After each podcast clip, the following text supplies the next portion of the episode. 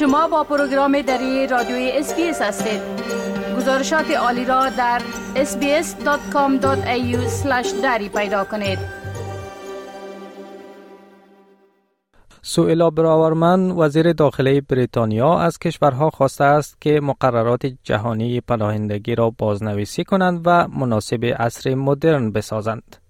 خانم براورمن می‌گوید افرادی که از ترس تبعیض به خاطر همجنسگرا بودن یا زن بودن از کشورهایشان فرار می کنند لزوما نباید واجد شرایط پناهندگی شناخته شوند. به گفته او چنین سیستم پناهندگی مناسب عصر مدرن ما نیست و نمی‌تواند پایدار بماند. Let me be clear. There are vast swathes of the world where it is extremely difficult to be gay or to be a woman. Where individuals are being persecuted, it is right that we offer sanctuary. But we will not be able to sustain an asylum system if, in effect, simply being gay or a woman or fearful of discrimination in your country of origin is sufficient to qualify for protection. وزیر داخلی بریتانیا می گوید که مردم فقط در صورت باید واجد شرایط پناهندگی شناخته شوند که از خطر واقعی مرگ، شکنجه یا خشونت فرار می کنند. خانم براورمن این اظهارات را در سخنرانی خود در انستیتوت امریکن انترپرایز در واشنگتن دی سی بیان کرد. جایی که دولت محافظه کار بریتانیا به دنبال جلب حمایت بین المللی برای موضع سختگیرانه خود در قبال پناهجویان است. بریتانیا روی کرده تنبیهی فضاینده را برای افرادی که با قایق از کانال مان وارد این کشور می شوند در پیش گرفته است. اما موضع حزب محافظه کار انتقاد گروه های حقوق بشری را به همراه داشته و در محاکم آن کشور به چالش کشیده شده است.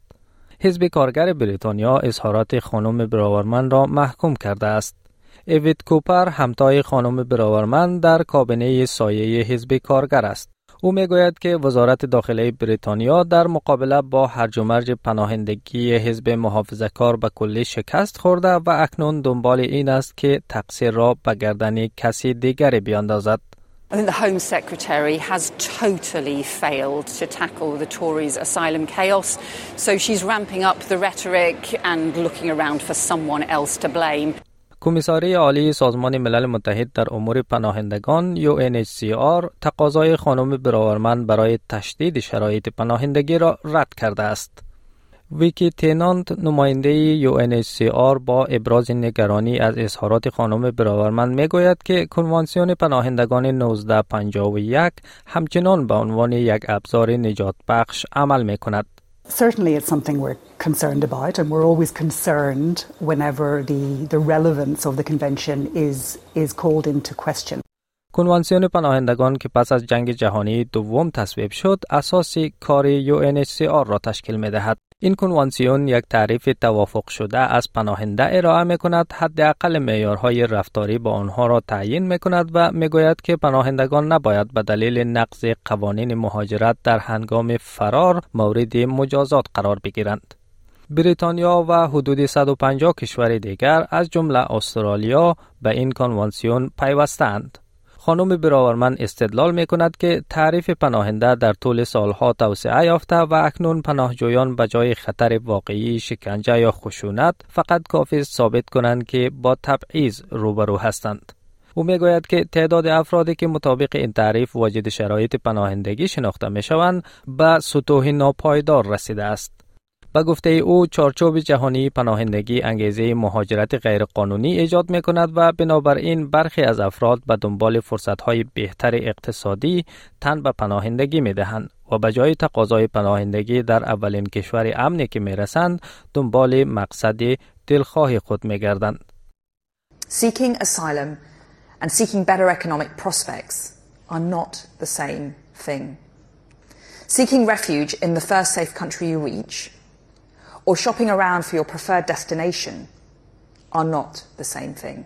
Being trafficked, i.e., transported against your will, perhaps to be sold into sex slavery, and being smuggled, i.e., asking someone to sneak you into a country, are not the same thing. The extent to which the global asylum framework enables the obscuring of these categories creates huge incentives for illegal migration.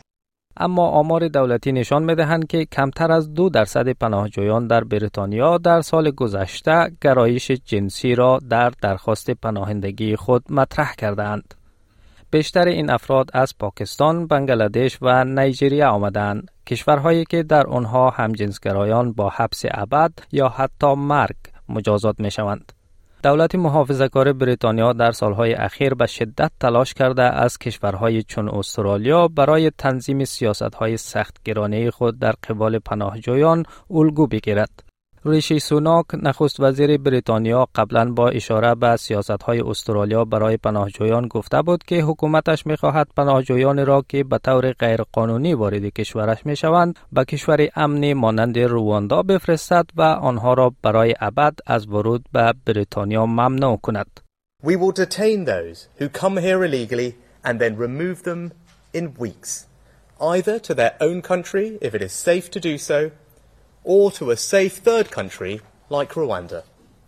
And once you are removed, you will be banned, as you are in America and Australia, from ever re entering our country. This is how we will break the business model of the people smugglers. And this is how we will take back control of our borders.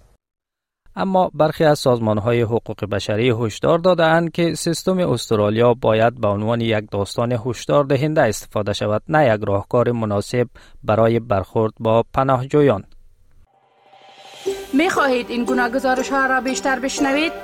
با این گزارشات از طریق اپل پادکاست، گوگل پادکاست، سپاتیفای و یا هر جایی که پادکاستتان را می گیرید گوش دهید.